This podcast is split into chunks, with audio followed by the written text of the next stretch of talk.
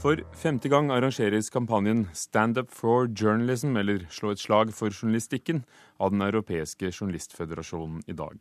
Journalister over hele Europa står samlet for å sette søkelyset på de ulike utfordringene de står overfor i forskjellige land, og i Norge krever Norsk Journalistlag at tyrkiske journalister skal få slippe fri fra fengsel. Arne König, president i Den europeiske journalistføderasjonen. Hvorfor en kampanje spesielt eh, rettet mot for tyrkiske journalisters kår? Vi forsøker å anvende den 5. november for de største problemene. Og eh, for tilfellet ser vi de største problemene i Turkiet, der mange journalister sitter i fengsel. Nå er det omkring 80 fengslede journalister, og det var for et par-tre måneder siden var det 100. Men eh, vi ser egentlig ingen tegn på at den eh, attityd som den turkiska regeringen og de turkiska myndigheterna har mot journalister att den förändras. Utan vi är fortsatt bekymrade för att eh, Turkiet vil forsøke stoppe yttrandefriheten gjennom att fängsla journalister. Ifølge myndighetene, hva er årsaken til at uh, disse journalistene, som da altså er rundt 80 til enhver tid, sitter fengslet? Ofte så er det anklagelser som handler om at man gjør propaganda for en terroristorganisasjon, eller så anklages man for å være en del av en terroristorganisasjon. Men eh, hva vi kan se, så handler det om normal journalistikk som de her kollegene bedriver, og som handler i fengsel for. Og hva vi også ser, er at eh, veldig mange av dem sier at de har råket ut for manipulerte bevis. Og jeg var i ukesluttet i Istanbul på en konferanse som arrangeres bl.a. av Advokatsamfundet i Istanbul.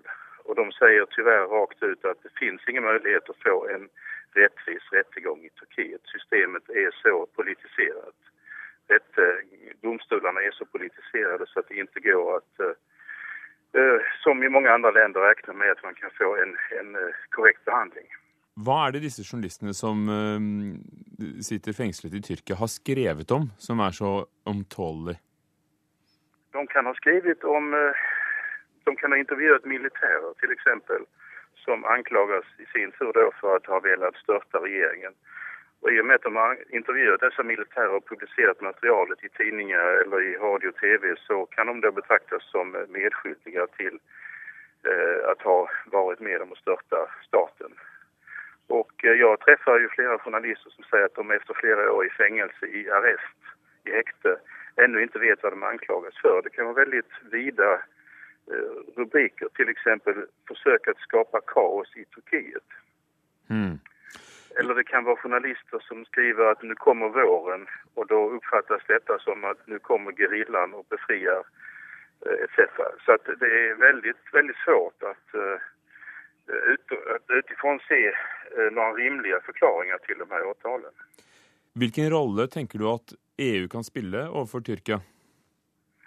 EU borde kunne spille en mye mer aktiv roll, borde kunne eh, dels tale mye mer aktivt med Turkiet og påverka dem at uh, avstå fra denne typen av krenkning av menneskelige rettigheter, som ju gjør at de ikke kan bli medlemmer, vad jeg kan forstå, i EU.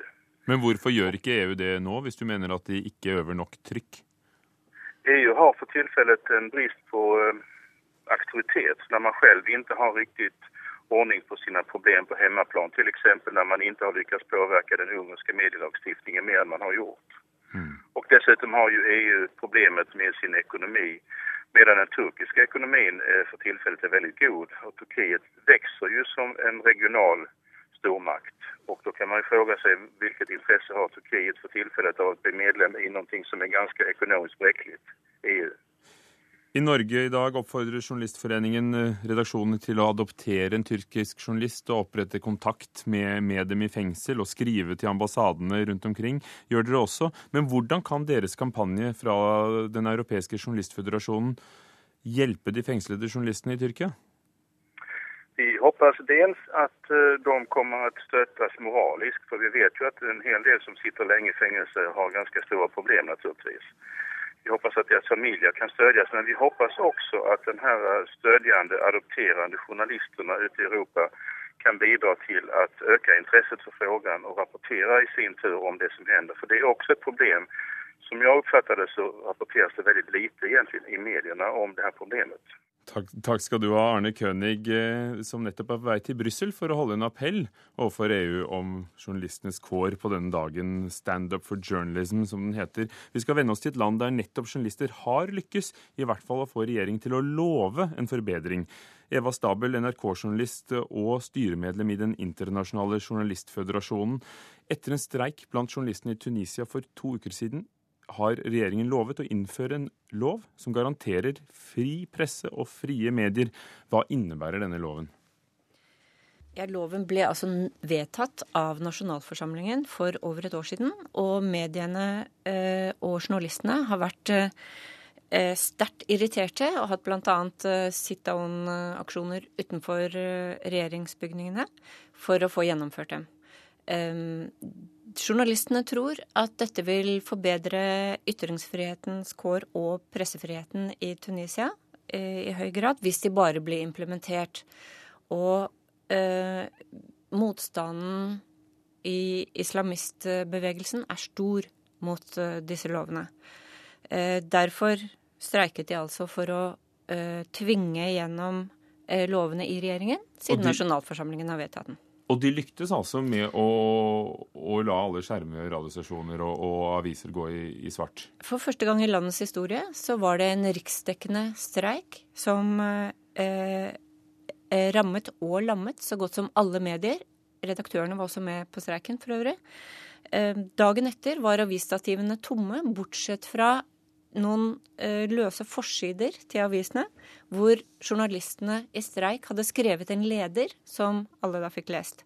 Eh, dagen i forveien, selve streiken, var radioene tause og skjermene svarte. Loven ble jo stemt over for eh, rundt et år siden, men regjeringen har ikke innført den. Betyr det at den vil bli innført nå?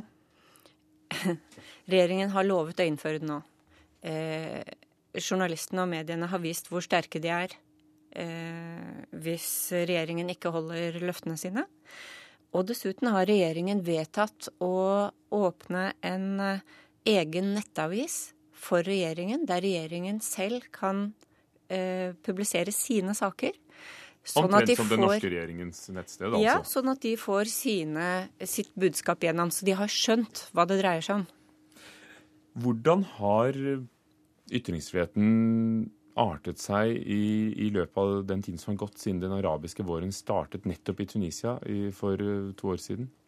Både um, tunisiske kolleger og egyptiske kolleger har jo tatt til orde for at vi burde kalle det en atomvinter og ikke en arabisk vår. Uh, for alle trodde det skulle bli veldig bra uh, med en gang, og så har det blitt store problemer. I Tunisia har myndighetene puttet sine folk inn i redaktørstillinger og sjefsstillinger rundt i mediene. Og det preger eh, pressefriheten og arbeidet til journalistene sterkt.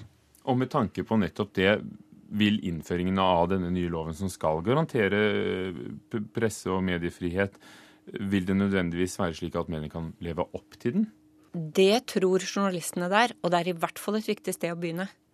Takk skal du ha, Eva Stabel i Den internasjonale journalistføderasjonen eh, og NRK-journalist.